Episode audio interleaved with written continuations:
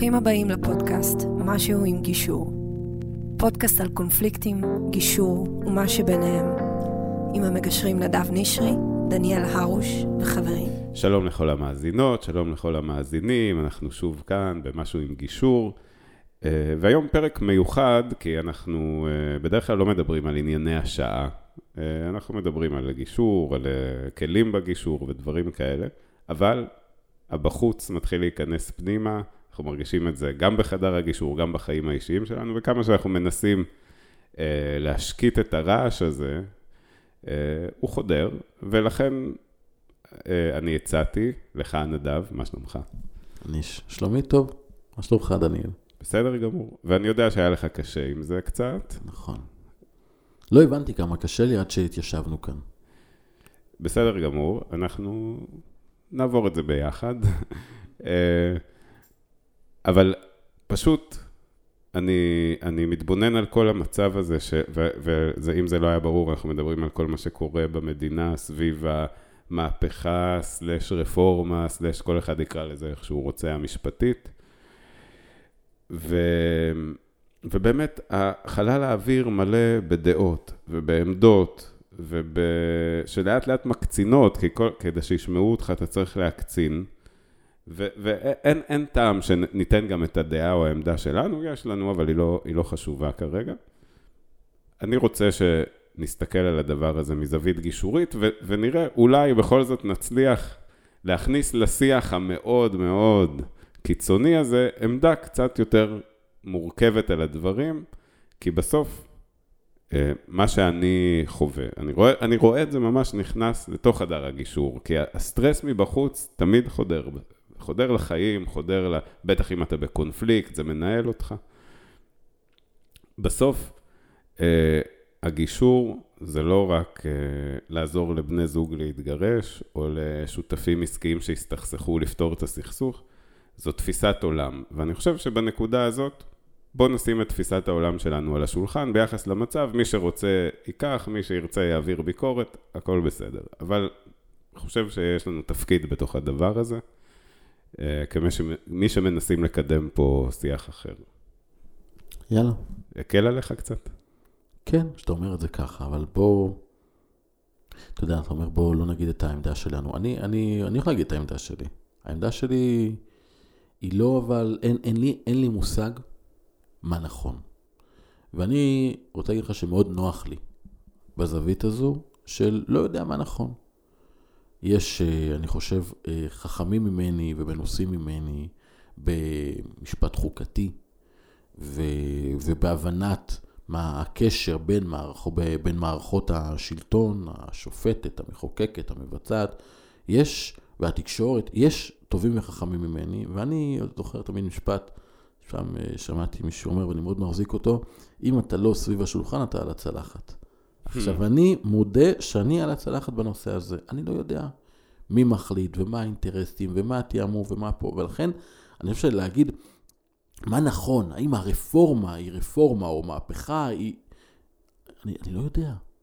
מה שאני כן יודע, זה שכואב לי. כי אני רואה אנשים מייצרים שיח אלים מאוד עם אנשים שהם פה קצת מתבלבלים וחושבים הם לא גרים לידם. אבל לא, זה השכנים שלנו. אומרים, אנחנו לא אחים, אני שומע את אנחנו כבר לא אחים. לא, גם, גם יש אנשים שגם עם האחים שלהם לא מדברים, אבל הם עדיין צריכים להיפגש אחת ל... כי כמו בגירושין, גם אם מתגרשים, אתם עדיין משפחה, אתם עדיין הולכים לחיות פה. ועדיין יש פה איזשהו, גם אם אין לכם טיפת ערבות הדדית, גם אם אין לכם טיפת יכולת להכיל אחד את השני, אנחנו עדיין גרים פה ביחד. עדיין אם אחד מאיתנו אה, הולך בתחושת חוסר ביטחון ברחוב, כולם הולכים עם תחושת חוסר ביטחון ברחוב. אם אחד חושש, אם יש פה איזו תחושה של פרנסה, של בסכנה, כולם בחשש שכזה. אם יש פה חשש משינויים אה, אדירים שקורים באנושות עכשיו, כולנו חלק מתוך הדבר הזה. והשאלה אם אנחנו בוחרים לנתב את התסכול והכעס והפחד אחד כלפי השני, אחד כלפי אדם, אדם לאדם, או כלפי הבעיה. והמסר הגישורי הוא, בוא נעשה את ההפרדה בין האדם לבעיה. אני יכול לא להסכים איתך כבן אדם, זה בסדר, אני חושב שאתה טועה. אני שהדעה שלך מטומטמת לחלוטין, זה בסדר. אבל אני עדיין יכול להיות חבר שלך. אני יכול במקביל לעבוד איתך, אני יכול לשבת איתך- שולחן ליד שולחן, אני יכול להיות איתך במילואים, אני יכול לשלם איתך מיסים, אני יכול לתת לך שירות בקופת החולים. זה בכלל לא קשור לדעה שלך. המקום שאנחנו הפכנו להיות רק הדעה שלנו, הוא איום ונורא. אנחנו נתנו לקיצוניים שבנו לשבת על המקלדת ולשפוך כל דבר שיוצא להם מהפה, גם כשהוא לא מבוסס, גם כשלא שום דבר, שהפחד שלהם מניע את עצמם, והתסכול, ומניעים אחד את השני. אנחנו שם, הציבור הרחב מאוד יושבים, וחוששים, כי, כי החיים שלנו פה באמת, יש, יש פה שינויים, מדברים פה על דברים מאוד מאוד גדולים. והשיח הוא בכלל לא ענייני. הוא בכלל פרסונלי, ולא פרסונלי על האם אתה הורה טוב, האם אתה חבר, האם אתה אה, מצליח בעסקים, לא, הוא בכלל על מה הדעה שלך. מה קרה לנו? מה אה, קרה לנו? אני, אני אגיד לך, אני חושב שאמרת, אנחנו נותנים לקיצונים, אני חושב שפה אין לנו שליטה על זה. העידן הזה מעודד שיח קיצוני, כי מי שיותר קיצוני מקבל יותר לייקים ויותר חשיפה ומתוגמל על זה. יש, יש תגמול מאוד ברור לקיצוניות. עכשיו, אנחנו יכולים לשבת בבית ולהגיד, אנחנו לא נותנים לזה לחדור אלינו.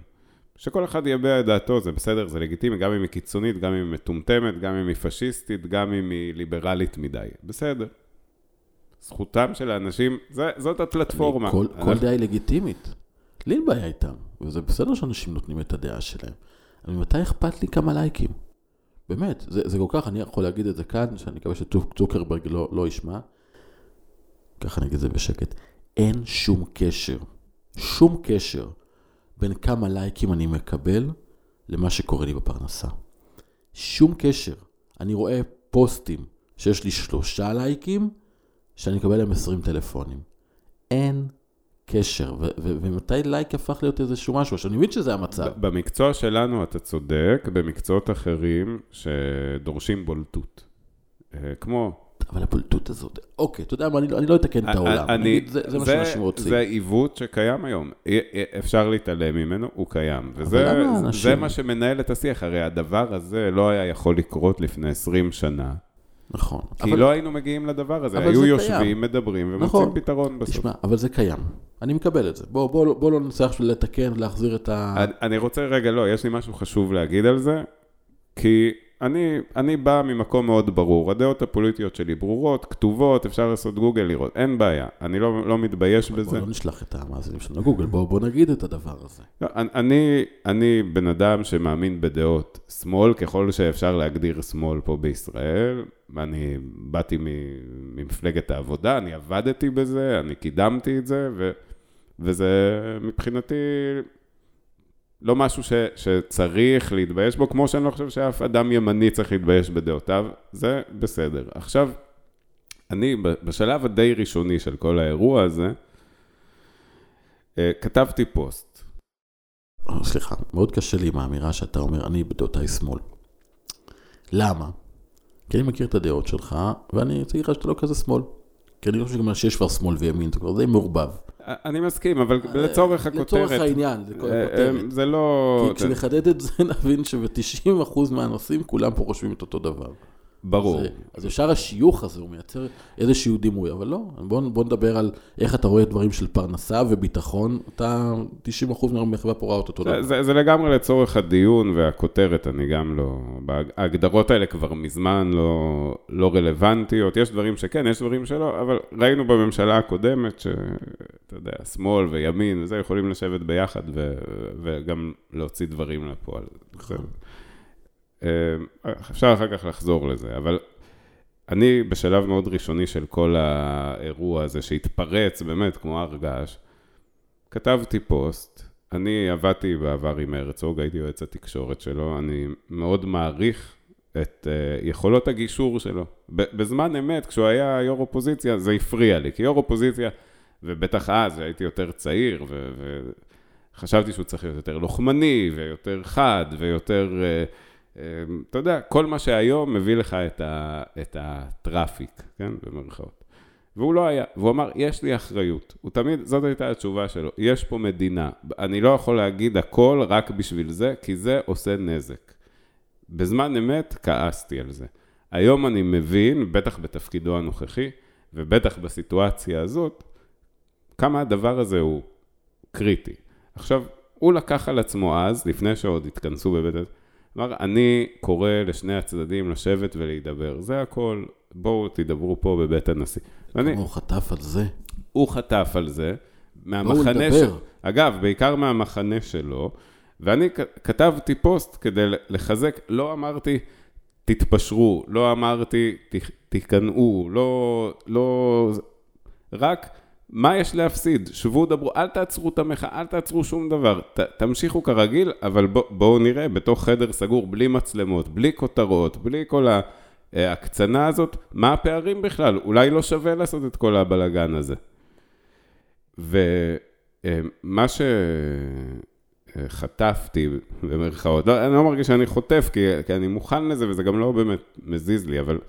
בתגובות, ובעיקר מאנשים שבאים כאילו מה, מהצד שלי, במרכאות, אה, פשוט זה הוציא אותם מדעתם. כי מה זאת אומרת? לא מתפשרים על הדמוקרטיה. ומה זה להידבר? עם מי אתה רוצה להידבר? מה אתה רוצה להידבר? ו- ואני עונה להם, אבל מה אתם רוצים שיקרה? ת- נגיד, תגיעו להכרעה מלאה. תקבלו כל מה שאתם רוצים. מה יהיה פה יום אחרי? אתם עדיין צריכים לחיות עם האנשים האלה. האנשים האלה ירגישו מובסים ו- ומתוסכלים, והתסכול הזה יצא שוב, ואי אפשר יהיה להחזיק כאן את העסק הזה. זה, ו- ובסוף, כשאתה יורד לפרטים, עזוב, לא ניכנס לזה, אתה מבין שאתה שומע את שמחה רוטמן, אתה שומע את אהרון ברק, כאילו שתי נקודות קיצון, לא פערים כאלה עצומים. אין שם עצומים. פערים, אין כבר פערים, זה ברור לחלוטין. אגב, אחד הדברים ש...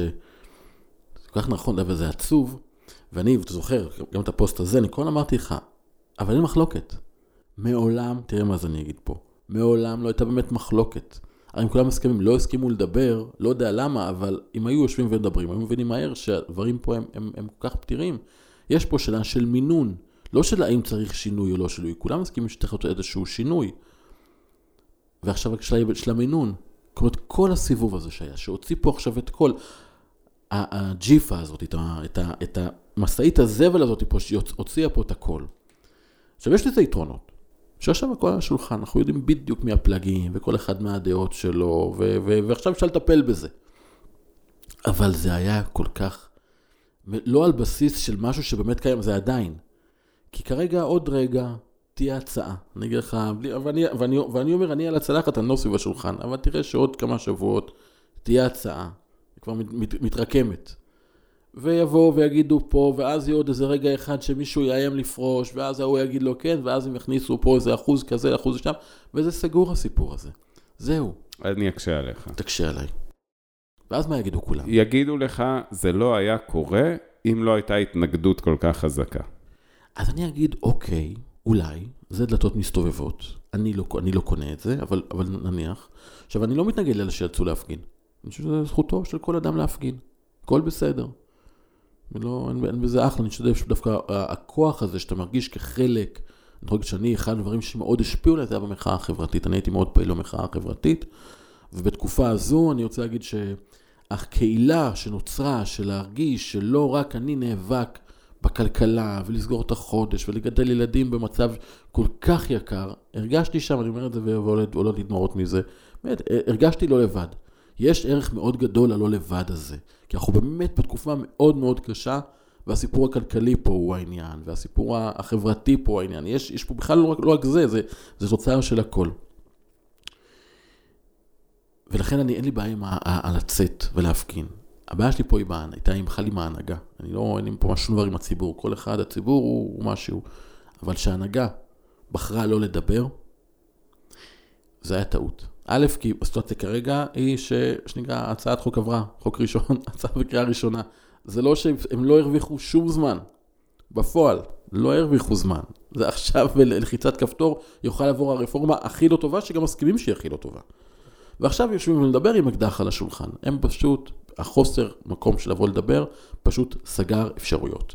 הפך את התהליך במקום שיהיה זמן לדבר, לייצר התדיינות, למנוע הקצנה, זה יביא ישר למצב שעכשיו זה להביא להכרעה. עכשיו, יכול להיות שזה מתוכנן. אני מנחש, מאמין שהפוליטיקאים שנמצאים באותו מקום מדברים אחד עם השני. אני לא קונה מה שבתקשורת אנחנו כבר הבנו שזה לא, לא נכון. אז יכול להיות שמאחורה קורים דברים, אני לא יודע. אבל אני יודע שאם היו יושבים ומדברים, היה הרבה יותר קל. וכל התחושות הנוראיות האלה היו, היו לא יוצאות או יוצאות אחרת, והיה פה הנהגה. כי כרגע התחושה היא ש... של אין הנהגה כזו, וזה משהו מאוד מאוד, מאוד, מאוד מאכזב, כי מה שאמרת על הרצוג, שהיה רואה את ה... את ה... קודם כל יש פה מדינה. אוקיי, למה אתם לא רואים את זה? למה אין פה את הפוליטיקאים שבאים ואומרים, חבר'ה, אחים אנחנו. לא משנה מה, אנחנו צריכים לעבוד ביחד. כי אנחנו שכ... שכנים, אתה יודע מה? לא אחים, שכנים, קולגות, עובדים באותו, באותו בניין. צריך לבוא ולהגיד, אנחנו פה ביחד. אה, הייתה לנו צפירה. הייתה לנו, הייתה לנו, אה, כן, הייתה לנו צפירה. אה, זה היה בדיוק, נדבר על הביחד. סיימת משפט, ביחד. אגב, כן. זה התפירה של יום השואה. הביחד הזה, וסליחה, אני לא רוצה להגיד פה דברים פומפוזיים, כן, אבל בוא, אין לנו, אין לעם היהודי עוד מדינה. והדבר שפירק פה את, ה, את הריבונות היהודית בפעמיים הקודמות, זה החוסר יכולת להיות ביחד, וזאת קיצוניות. זה אלה קבוצות קיצוניות שגררו את כולם לקיצוניות שלהם. נכון. אז אולי אה, יש פה איזה משהו... אה, יש פה איזה סמלי, זה היה בדיוק אחרי שאמרת את המילה ביחד, פרצה הצפירה. אה, אולי. אני רוצה להגיד משהו על מה שאמרת, על האינטרס. הרי אנחנו uh, כמגשרים תמיד uh, שואפים למצוא את האינטרס מאחורי כל מחלוקת. מה האינטרס? ולתת לו מענה. עכשיו אתה, אתה מאוכזב מההנהגה, בצדק, היא באמת מאכזבת. ההנהגה הפוליטית, אגב, אני חושב שהיא מאכזבת בשני הצדדים. בכולם, לא, שלא יהיה בכלל ספק. אני לא על הצד כזה או אחר. אני מאוד מאוכזב מהצד המרכז-שמאל, שלא לא בא לדבר, זה, שזה פשוט, זה, זה, אני, זה, זה, זה, זה פחדנות, זה פשוט אין, זה, זה חוסר הנהגה מובהק. מהצד השני שהלך וגם עשה והקצין מדי. כולם פה עשו משחק פוליטי. הפוליטיקאים שלנו הם פוליטיקאים, הם לא מנהיגים. או, זה בעיה. בדיוק מה שרציתי להגיד. האינטרס העליון של פוליטיקאי באשר הוא, זה להיבחר. להיבחר שוב, להיבחר בפריימריז, להיבחר בבחירות. כל כך עצוב. זה, זה המצב. יש אנשים עם אג'נדה, איפה האג'נדה, איפה האמונה, איפה הדרך? כל בשביל להיבחר, בשביל המשכורת, הם יכולים להרוויח יותר כסף במקומות אחרים. בשביל זה. זה, איפה זה? זה, זה, אני, זה, לא, אני זה, תמים, לא רק, יודע. זה לא רק זה, ברור שחלקם על זה מלבישים אג'נדה, וכמובן ששמים אותה בפרונט, כי הם לא יכולים להגיד, האינטרס שלי זה להיבחר, ולכן אני עושה מה שאני עושה. אז אני... אבל לפעמים גם האג'נדה עוברת uh, כל מיני uh, עיסויים, כמו פלסטלינה, כדי שתתאים בסוף לאינטרס הראשון במעלה, שהוא להיבחר. אה, ולכן הציפייה מלכתחילה... בן גוריון התעסק, המטרה של בן גוריון, שהוא היה בביצות, ושל פרס, שהיה בפוריה שם, זה להיבחר. מה זה הדבר הזה? גם להם היה אינטרס להיבחר, אולי הוא לא ניהל אותם כמו שהוא מנהל את הפוליטיקאים של היום, אבל גם להם לבסס כוח, להיבחר. Okay. אוקיי. אין מה לעשות, זה, זה גם דבר שהוא באופן אנושי מאוד uh, מושך וממכר. כוח זה דבר ממכר, אין מה לעשות. ואנחנו צריכים להכיר בזה כשאנחנו מנתחים את המהלכים שלהם, כי הציפייה לזה שהם ישימו את האינטרס של החברה והמדינה לפני האינטרס הזה, בהרבה מאוד מקרים יוביל אותנו לאכזבה. ואז אני שואל, בהינתן שזה המצב אוקיי, אצל הפוליטיקאים, מה אנחנו כציבור יכולים לעשות? כי אין מה אה. לצפות מהם שהם ילכו בכיוון הזה של בואו נרגיע את הדברים ונדבר כדי למצוא פתרון אמיתי.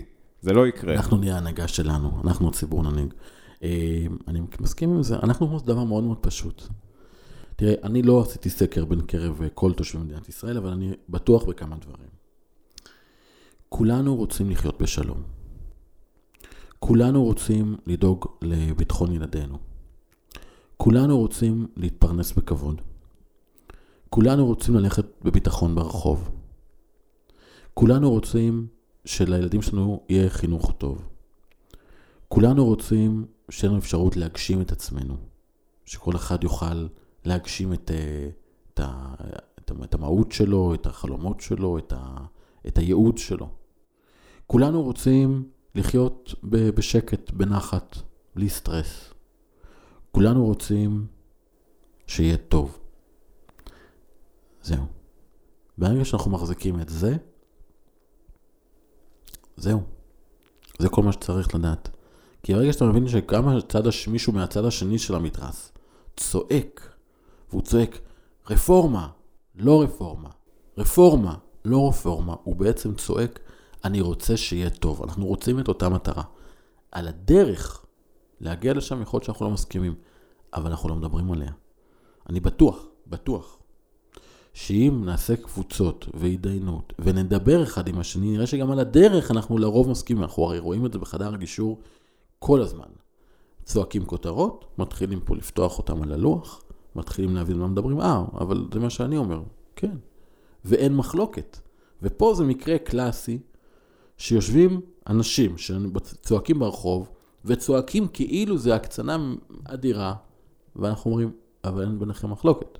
זה בכלל לא, אולי יש, אבל לא דיברתם עליה. זה מצחיק, זה קרה לי כל כך הרבה פעמים בחדר הגישור, ששיחה שבה שני הצדדים אומרים את אותו דבר, התנהלה כאילו במוזיקה אחרת לגמרי, שלא קשורה למילים, של ויכוח. ואז אני עוצר אותם ואומר, ואומר להם, שנייה, סליחה, אני מסתכל פה מהצד, ואני, השפת גוף, הטונים וזה הם של ויכוח, אבל אני רגע, הנה, אני אומר את זה בטון ש, שהוא שקט, מה, מה אמרתם עכשיו? ואומרים, נכון. נכון, וזה אפילו מצחיק אותם, כי הם, נכון. הם כאילו כל כך בתוך הקונפליקט, נכון. שהם לא שמים לב שהם ואז, מסכימים. נכון, ואז אני יושב כאן, עכשיו אני גר במרכז תל אביב, הבנות שלי גרות על הבימה, ממש שמה, ושומעים את הצעקות האלה, ולא נרדמות בלילה, וצעקות קשות, ואני חי פה, ואני רואה את החרדה של האנשים ברחוב, אבל, אבל אין לכם מחלוקת. למה אתם מכניסים לעצמם את הסטרס הזה? לא, לא, רגע. שנייה, אני עוד פעם מקשה עליך. תקשה עליי, בבקשה. לא, יש חרדה אמיתית, כי מי שצועק, כמו שמאיר אריאל אמר, אדם צועקת שחסר לו, פה אנשים מרגישים שהחופש שלהם לאט לאט נלקח מהם, לא משנה, הם מרגישים, מרגישים, ולא, אבל אין לא, ביניכם מחלוקת. אבל, אבל לא בטוח שהם טועים. אתה אמרת, אני לא יודע. אני לא מתווכח על זה, אבל בינתיים, בינתיים, כל מה שיש זה כותרות. זה שיח מקצין. כאלה שאוהבים להקצין את השיח, יש להם אינטרס להקצין את השיח. בפועל, אתם יושבים עם אנשים, עם דעה. הרי כל מערכת שלטונית, בואו לא נשכח את זה רגע. מערכת שלטונית, מערכת של חוקים, היא יציר אדם. וכמו שאדם יצר, אדם יכול לשנות. ומי שישנה הוא אדם, הוא לא מפלצת. עכשיו נחבר שוב ליום השואה, אתם מדברים על המפלצות האלה, שעשו והרגו את העם היהודי. הצורר הנאצי, המפלצת, זה לא מפלצות, אלה בני אדם. כשאנחנו אומרים שזה מפלצת, אנחנו קצת עושים להם הקלה. כי אנחנו אומרים שזה מפלצת, אז אנחנו לא... נכון. אז אין, לנו פה, אז, אז אין להם אחריות. לא, זה בני אדם. ברגע שאני מחזיק בראש שיש פה בני אדם עם דעה אחרת, אני צריך לשאול את עצמי, רגע, מה הם אומרים, מה אני אומר, מה אני רוצה, מה הם רוצים, ואז לשאול איפה השינוי. כרגע אנחנו מדברים על הפחד שיש לי מהדימוי על הקבוצה השנייה. הם ישנו, הם ייקחו לנו זכויות, הם יפגעו בי. כל אחד, אני, אנחנו יושבים פה גם עם חרדים, דתי-לאומי וחילוני. כולם חושבים ה, שהצד השני פוגע בהם. אומרים, רגע, אבל מה הוא רוצה, מה אתה רוצה? אתם לא יושבים לדבר, אתם לא יודעים. אנחנו שיושבים באמצע אומרים, אבל אתם רוצים את אותו דבר, אתם רוצים שקט, אתם רוצים שיהיה טוב, אתם רוצים חופש פעולה שלכם. והרגע שאתם קוראים, ניזונים רק מהמידע ואתם, מה, מהתיאורים, למרות שכולם יודעים שהתקשורת היא, היא מקצינה. אבל אתה בונה נרטיב על האדם ממול על בסיס מה כתבו עליו בתקשורת, בלי לדבר עם הבן אדם. ואין לך מחלוקת איתו, כי אתם רוצים את אותו דבר, אולי הדרך היא אחרת. המניעים אולי הם אחרים. התסכול הוא, הוא אחר, אבל אתם רוצים את אותו דבר. שבו לדבר, תבינו את זה. אבל למה לא יושבים ולדבר? כי אם ישבו ולדבר, אז לא יהיה פחות לייקים. יהיה פחות אש, יהיה פחות יהיו סטרס. יהיו פחות אנשים ברחוב, יהיו כן. פחות אנשים ברחוב, כי הם יגידו, אבל, אבל אני בהסכמה. זה כמו ללכת עכשיו להילחם על זה שיש אוויר. אני רוצה אוויר, אתה לא רוצה אוויר. אבל שנינו רוצים אוויר. אבל אתה אומר שאתה לא רוצה אוויר. אני רוצה אוויר, כן אוויר, לא אוויר. אבל, אבל זה אוויר, חבר'ה, יש פה אוויר, זה ברור לחלוטין שיש פה אוויר, וכולנו משתמשים בו. יש גם מספיק פה, אוויר לכולם. יש אוויר לכולם. בוא, אני אגיד לך אפילו עוד איזה משהו נורא ואיום. אני אגיד לך משפט שהוא קשה.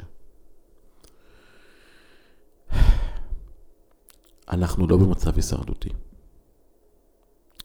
אנחנו לא הולכים לים. אנחנו לא, לא יזרקו אותנו לים. יש מספיק אוכל בעולם לכולם. פחות אנשים מתים מכל שנה ושנה. יש לך היום תרבות של שפע, ואנחנו יכולים להתעסק בעצמנו, מה שפעם לא היה. האנושות כל הזמן מתקדמת. אנחנו מתעסקים בכל הרע, אבל זה בגלל שאנחנו יכולים להתעסק בתוך הדבר הזה, כי יש לנו המון שפע. אנחנו לא... זה אחד הרגעים הכי משמעותיים שהיו לי בחיים. שהיה לי בצומת מאוד גדולה, עם חרדה מאוד גדולה, ואני לא, אתה מכיר אותי, אני לא בן אדם אחר של חרדות, אבל זה היה משבר חרדה מאוד גדולה. ואני הבנתי, אחרי יומיים של חרדה, שלא יצאתי מהקרוון שגרתי בו, אמרתי לעצמי, הנה, אני רואה את הבית של אמא שלי שם, במושב למעלה, והבנתי שתמיד יהיה לי איפה לאכול ותמיד יהיה לי איפה לישון. ואני אומר את זה היום לכולם. כל מי שבסביבה שלי לפחות. תמיד יהיה לך איפה לאכול, תמיד יהיה לך איפה לישון. אתה מכיר מספיק אנשים, אתה לא בהישרדות. אתה לא במצב של לישון ברחוב. כולנו. גם מדינת ישראל. כן, העניין הוא שהישרדות הוא לא תמיד באמת, אה, מצב הישרדותי הוא לא תמיד תלוי בגורמים חיצוניים, אלא בתחושה הפנימית שלך. או, עכשיו, אתה אומר. אתה- אתה לא יושב ומדבר איתם, ואתה הפכת אותם למפלצות, וזה בסדר גמור, נכון. עכשיו, אבל יש אדם אחד שיש לו את הזכות לדבר אל הציבור מתי שהוא רוצה, הוא מנהל את העסק הזה. אני לא נכנס עכשיו שוב ל...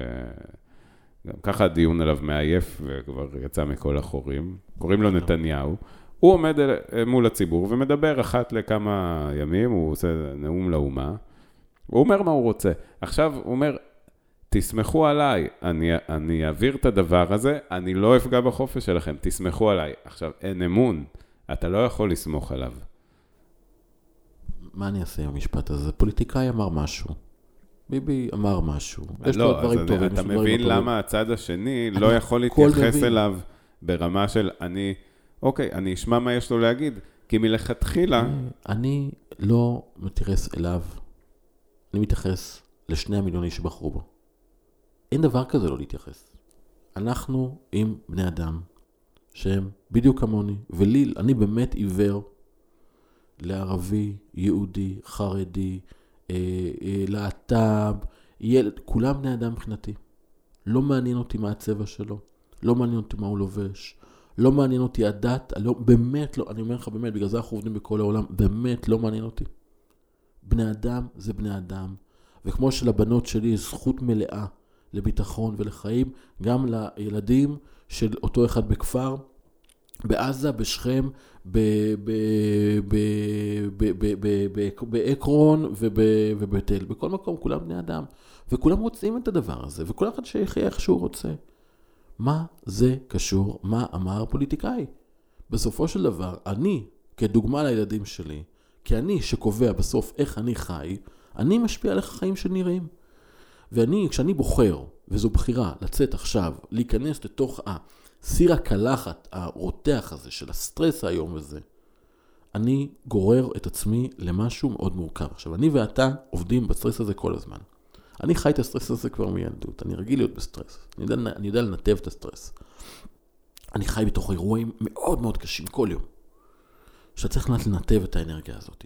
אבל מי שלא יודע לנתב את האנרגיה הזאת, לא יודע לעבוד איתה, ופתאום מרגיש שכל עולמו נתפס והולך להיגמר, כי פתאום נהיה פה דיקטטורה עוד רגע, ואני יכול להבין את החשש. מה שאתה גורם לעצמך זה להיכנס למצב של סטרס עצום. אתה בעצם אומר לעצמך, אני ביום חמישי הולך להפגנה, ובשבת הולך להפגנה, ייקח לך שלושה ימים להתאושש. ואז יש עוד הפגנה. אז אתה עסוק, יש לך אולי יום אחד שאתה עושה עבודה, ואז יש לך עוד, ואז עוד יומיים ככה שאתה ככה נדרך להפגנה, ואז עוד פעם, וזה מערכת שמניעה את עצמה. אז אתה לא עובד, התפוקה שלך יורדת, זה מתחיל לפגוע לך בהכנסה שלך, באיך שרואים אותך, ואתה פתאום, ואז החרדה גדלה, ואתה פתאום אומר, הנה, זו נבואה שמגשימה את עצמה, כי הנה, באמת, זה פוגע, המצב הכלכלי יורד, אבל רגע, יש את ההישרדות ביסוס במציאות. בדיוק. ואז בעצם אתה יכול לבחור. יש פה את הסטרס הזה. מה אני יכול לעשות איתו? איך הוא יכול לקדם אותי לאנשהו? זה שאני אצא להפגין, זה ממש בסדר. אבל אני חייב להחזיק את עצמי. אני חייב להחזיק... רגע. בסופו של דבר, אני אחראי לחיים שלי. אני אחראי לאוטונומיה שבי. ואני צריך לנהל, לנהל את זה. ואם אני נכנס לתוך הקלחת של הסטרס הזה, שאין לשם בכלל, ואין מחלוקת, כי אם אני אשב עם הצד השני וננהל שיח, ולא רק בפייסבוק עם מי שמסכים איתי, שמלבה אחד את השני, וכל משפט שמישהו אמר הוא עוד יותר מקצין. דבר עם הצד השני. זה אוזו ומוזו מכפר קקרוזו. אתה זוכר את הספר הגאוני הזה? זוכר, כן. שני אחים, לא דיברו, הם מאוד אהבו, לא דיברו, עשו חומה ביניהם. ואז בא כל דור שהגיע, הגדיל את החומה, כי שמע שמעבר לשם יש, יש, יש, יש מפלצת. איומה ונוראים, ואז בא ילדים קטנים, ופשוט עשה חור קטן, וראה מצד השני ילד או ילדה. ואז התחילו לדבר, והבינו, למה החומה הזאת? מה זו החומה הזו? תדברו אחד עם השני. יש לכם דעה? אתם רוצים באמת לשנות? אתם רוצים באמת, באמת לשנות? תרימו טלפון, פתחו 144, דפי זהב, תרימו טלפון למישהו מהצד השני. תעשו גוגל, תחפשו בפייסבוק מישהו, ת, תנהלו, תזמינו אותו לשיחה, לא בפייסבוק. פייסבוק זה תקשורת רעה. רעה. גם לא בטלפון. תגידו, וואלה, זה חשוב לכם? אתם באמת משקיעים? אתם רוצים באמת לשנות? קדימה, בואו נעשה משלחת, בואו ניסע לבית אל, בואו ניסע לתל אביב, בואו נשב אצל מישהו בבית ונדבר. אתם באמת רוצים לשנות? אז ככה משנים. יש, אה, קראתי לא מזמן כתבה בהארץ באמת של אה, שני חברים שעובדים ביחד בהייטק, אחד אה, תל אביבי, אחד, הם, הם הכירו בעבודה, הוא מאחת ההתנחלויות, וברגע שהתחיל כל הסיפור הזה של הרפורמה, אז הם ישבו ודיברו, והם ניסו להבין את הפחדים אחד של השני. בהתחלה הם התווכחו מאוד, כי כל אחד בא טעון עם, ה, עם המטען ש, של הצד שלו, שאתה יודע, כמו שאמרת, אתה באקו-סיסטם, אתה, אתה בפייסבוק, אז אתה מתדלקים אותך בדעות של עצמך, וממש דורשים ממך להקצין אותם כדי, ש, כדי שתדע לעמוד מנגד ולהגיד, זה ככה וזה ככה, וסימני קריאה. דיברו, הבינו, ואז הבחור מההתנחלויות הזמין את החבר שלו למפגש ואמר שהוא יזמין כמה משפחות מהיישוב. כי הם באמת לא מצליחים להבין למה הצד השני אומר שזו קץ הדמוקרטיה, ומה הפחד. נכון. והם ישבו ודיברו, הם לא הסכימו על הכל, בכלל לא, אבל הם יצאו משם כולם כשהם מבינים מה, אה, מה הבסיס לחרדה הזאת. מה הבסיס? אתה רואה בן אדם מולך, הוא חרד באמת. עכשיו, יכול להיות שבצדק, יכול להיות שבלא, יכול להיות שזה מתכתב בסדר. עם המציאות, יכול להיות נכון. שלא. וזה אופרטיבי. ואז הם יוצאים פחות סטרס, אני מניח. ברור. יותר הבנה, ויכול להמשיך ולעבוד ביחד, ואז בעצם, במקום להפוך אותך מראש לאויב שלי, אתה שותף שלי לפתרון הבעיה. כזה פשוט. רק כי ישבתם ולדבר. שבו לדבר. זה הכל. אני מסכים, אבל שוב, אני, אני לקחתי את התפקיד של להקשות פה. כי, כי יכול, יכול המאזין או המאזינה הממוצעת להגיד עכשיו, אוקיי, אה, אה, אם נשב, נדבר, נגלה שאין מחלוקת וזה, ו, ובעצם כולנו רוצים אותו דבר, ונשאיר Imagine של ג'ון לנון, ו... אבל, אתה אומר, אני אוטונומי על ההחלטות שלי ועל החיים שלי, אבל זה לא, זה לא באמת נכון, כי, למשל, כדוגמה, אתה אומר, אני בגישה של חיה ותן לחיות, אני ליברל, זה, זו התפיסה שלי, אני חילוני. באים אנשים שאומרים, לא, אתה תתחתן ככה, אתה תאכל ככה, בפסח אתה לא תכניס אוכל מסוים לבתי אבל חולים. אתה נכנס עכשיו לתוך הפרטים, אני לא אסכים איתך שמה. אבל, אבל זה, אבל... אבל זה... אף אחד לא אומר את זה. אבל אף אחד לא אומר את זה, זה שוב כותרת. אתה יכול להיכנס היום גם לבית חולים, ללכת לחמץ, יש בדיקה אם, אם הוא בודק לך את זה. הבית, המנהל של בית חולים יכול להחליט שהוא בודק. אתה בפסח אכלת פחות חמץ? אני אכלתי חמץ כמו כרגיל, אכלתי גם כשר. נו, באמת. עזוב את הבתי חולים, זה שטויות, כי אף אחד לא באמת אוכף את זה. אבל זה היה שיח בפועל, זה הכל קליקים. אבל, הכל אבל קובעים לך איך להתחתן, איך להתגרש. אני נולדתי לעם היהודי. אם יש אה, תחבורה נול... ציבורית בשבת או לא. אני נולדתי לעם היהודי. יש לו נהלים שלו. עכשיו, יש בית שמאי ובית הלל. מה שהחזיק את העם היהודי זה בית שמאי ובית הלל. זה, זה הוויכוח התמידי שהיה. מעולם העם היהודי לא חשש מהוויכוח, הוא החזיק אותנו. אני בעד הוויכוח הזה. כי גם שיש מי שקובע לך איך להתחתן ואיך להתגרש במדינת ישראל, אתה עדיין יכול להתגרש ולהתחתן אחרת. אני עובדה, אנחנו עושים את זה. כל הזמן. אז אולי זה לא דרך המלך, במרכאות, אבל זה קיים. ולכן יש איזושהי מערכת של הרבה עצימת עין. שאנחנו מבינים שנכון, אנחנו פלגים שונים. אנחנו רואים דברים אחרת, אבל אנחנו כן יכולים לחיות. וכל שנה, אנחנו כבר הרבה שנים פה על פני כדור הארץ, יודעים כל פעם זה אותם נושאים שהם מתווכחים, וכן, ויש משיכה, כי כל אחד פה מראה לצד שלו איך הוא מתווכח, אבל זו אותה מציאות כל הזמן שלא משתנה. כן, כולם מבינים שאי אפשר באמת לקחת משהו שפוגע לאמונה ולצרכים של הצד השני. אתה יכול לדבר על זה, וככה להלחיץ אותו. ועם הרשתות החברתיות הזה מלחיץ אותו עוד יותר, אבל זה לא משנה שום דבר בפועל. ולכן, באמת, ד- די לקרוא עיתונים. אתה יודע מה אני עשיתי גם בשביל זה? אני הפסקתי לקרוא בעברית. אני קורא בעיתונים בחו"ל. אני אגיד לך למה, אני זה פשוט, בלי, בלי להעליב אף אחד. אבל- מניין האנגלית שלך, מה שנקרא. אני מש... כזה. כי נמאס להתעסק במה אמר חבר מרכז ליכוד, או מישהו בעבודה, מה אכפת לי? לא, זה אני מסכים. שמע, די, ובתור אבל מי... זה, אבל זה הכל, זה, זה בתור מה מי התקשורת. שעבד בצד... דני דנון ש- אמר ש- משהו, אז דני דנון אמר משהו, מה אכפת לי מה הוא אמר? באמת, למה זה צריך לעניין אותי? שמע, בתור מי שהיה נרקומן של הדבר הזה, כן? כי גם עבדתי בזה והייתי חייב, זה גם הייתה חובתי, אבל גם, אתה יודע, אה, הזרקתי את זה לעצמי כל יום, את, ה, את החומרים הבאמת רעילים האלה. ממש, זה רעל. וברגע שלא היה לי גם צורך מקצועי בזה, ובאופן טבעי ההתעניינות שלי בזה אה, פחתה, כלומר, אני, אני כן קורא וכן מודע, אבל אני לא צריך לראות חדשות, אני גם מבין את המניפולציה, אז חדשות אני לא יותר קל לי לסנן, זה- ואני, שיש לי את כל הכלים, באמת, כי אני הייתי בצד שמפעיל את המניפולציה, אז אני יודע גם איך לסנן אותה, ועדיין אני רואה איך בימים שאני כן נחשף, איך הסטרס הזה יוצא אפשר. איפשהו. אני רק שם את חדשות, מקרה זה פתוח, ואני לא בבית, אין, אני לא רואה חדשות. המוזיקה שלהם, שמים, טאק, הסטרס שלך עולה, אז תפסיקו עם זה, אל תראו את זה. עובדים פה על כולנו. קחו אחריות על החיים שלכם. כל מה שאני יכול לעשות אופרטיבית, אם אני רוצה להוריד סטרס, ואני באמת חושש ממשהו, אז אני צריך להרים טלפון למישהו בצד השני, להיפגש, לדבר איתו, לראות את הבן אדם, וזהו, ייגמר לי הסטרס. נכון, זה יפגע לקליקים של פייסבוק. נכון, זה יוריד את המתח. נכון, זה אולי יגרום לי לא לצאת להפגנה ובמקום זה להיות עם הילדים שלי. אולי. אבל יהיה לי טוב. ואני רוצה שיהיה לי טוב. אני רוצה שלאנשים יהיה טוב. שלא יהיה רע. וזה בידיים שלנו, כל אדם יכול. וזה לא מוריד לרגע מהחובה האזרחית שיש לנו, שהיא גם זכות, לדעת שאנחנו שומרים על הערכים שלנו, ושומרים על הדמוקרטיה, ושומרים על הערכים, זה ברור לחלוטין, זה לא סותר. אבל אנחנו לא צריכים לסבול כשעושים את זה. אני אם יהיה צריך מסכים. לצאת למלא שקי חול, אני שמה. נלך למלא שקי חול, נילחם. אנחנו לא שם. ואנחנו מול, עם אנשים, לא משנה באיזה צד, אנשים שאנחנו גרים אותם באותו, באותו עיר, באותו אזור, באותו מקום עבודה. בואו נהיה חברים. אולי לא אחים, לפחות חברים. אני אגיד לך מה החשש במקרה הזה. שאני מסכים איתך לגמרי. אני מסכים איתך ואני גם מיישם את זה, ו... ובתוך זה כן שומר על ה... גם על המודעות והמעורבות שלי, ולא, זה לא אסקפיזם ולא ניסיון כאילו למסך את עצמי ולהגיד, אני לא יודע מה קורה פה, לא מעניין אותי.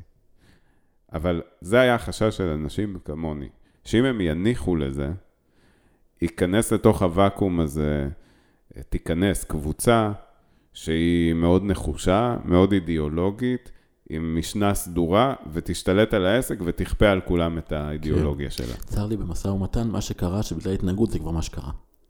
בגלל שהם ככה החזיקו את זה מאוד חזק ולא הסכימו לדבר, הוגשה הצעת חוק, ב- עברה, בקריאה ראשונה, הפסידו בנקודה הזאת. בגלל הגישה הקיצונית הם הפסידו. כי מה אתה לעשות... מדבר שאתה- על האופוזיציה. לא שיהיה אופוזיציה. ברגע שהם החזיקו את האמירה שאנחנו לא נניח ולכן לא נדבר, הם הפסידו. הם גרמו לזה שזה עבר בקריאה ראשונה. הפסידו.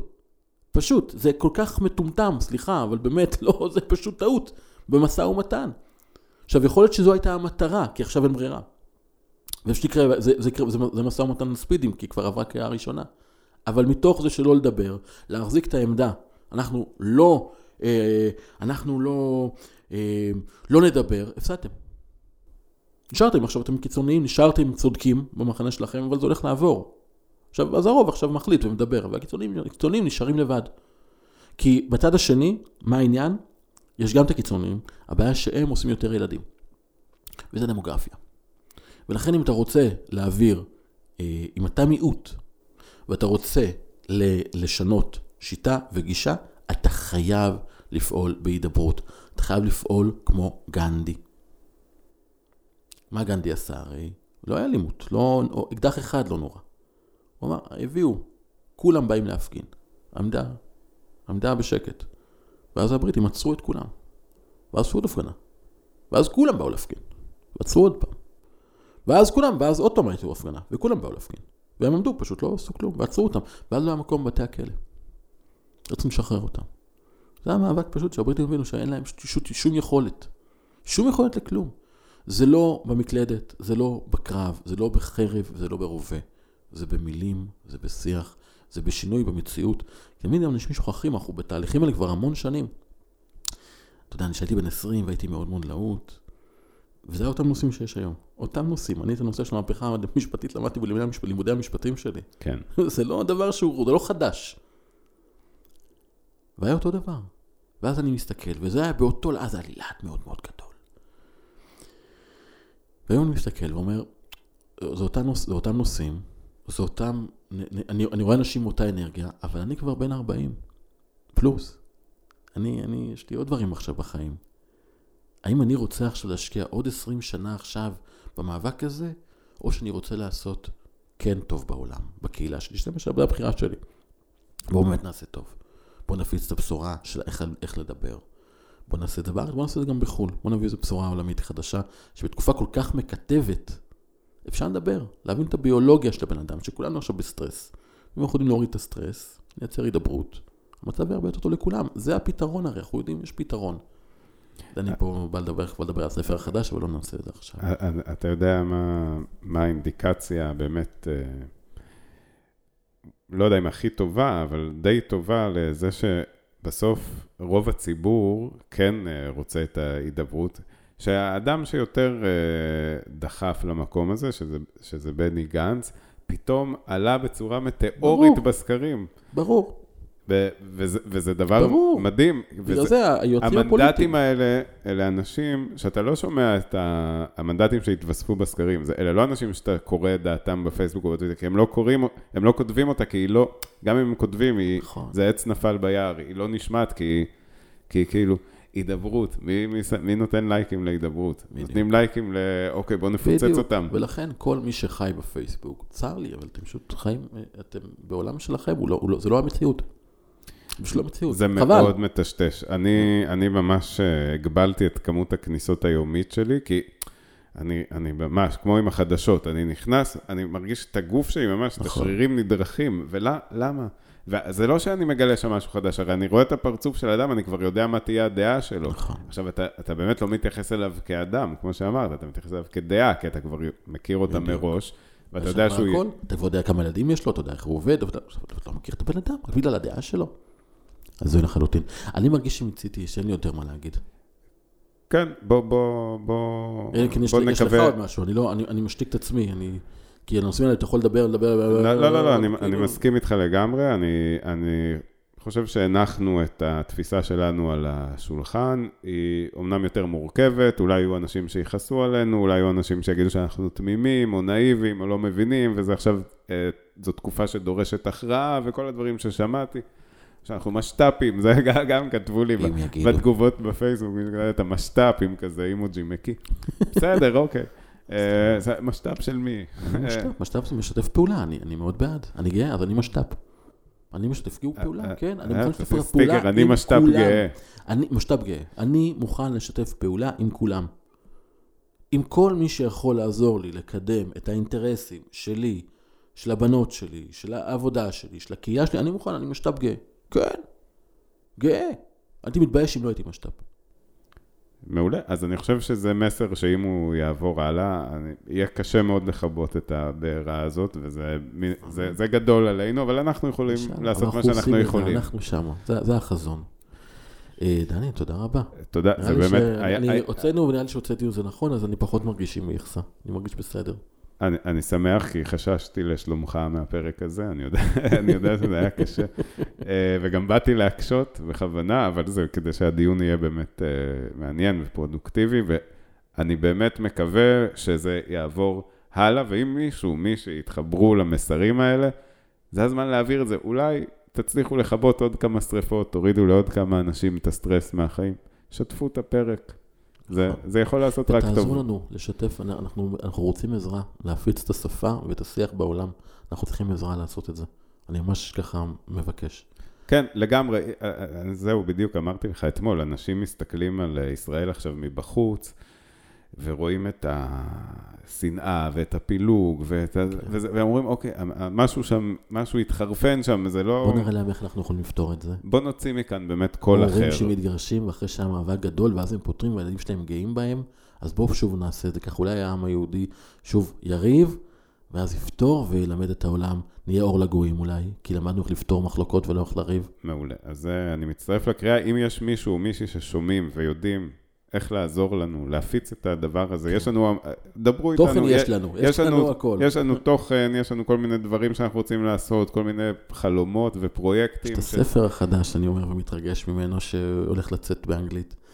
טוב, יאללה, בוא, אנחנו נעשה פרק על זה. נעשה פרק על, על, על הספר. יאללה, אז, אז תודה, תודה, תודה לכל רבה. מי שהחזיק עד עכשיו והחזיקה, ואנחנו... ותודה לשרון, שהקשיבה לנו כאן, והייתה איתנו כאן. תודה, שרון, אה, ונתראה בפרק הבא. נשתמע. נתראה, לא, כי גם צילמנו. אה, נכון. גם צילמנו, פעם ראשונה. פעם ראשונה, נכון. נתראה ונשתמע בפרק הבא.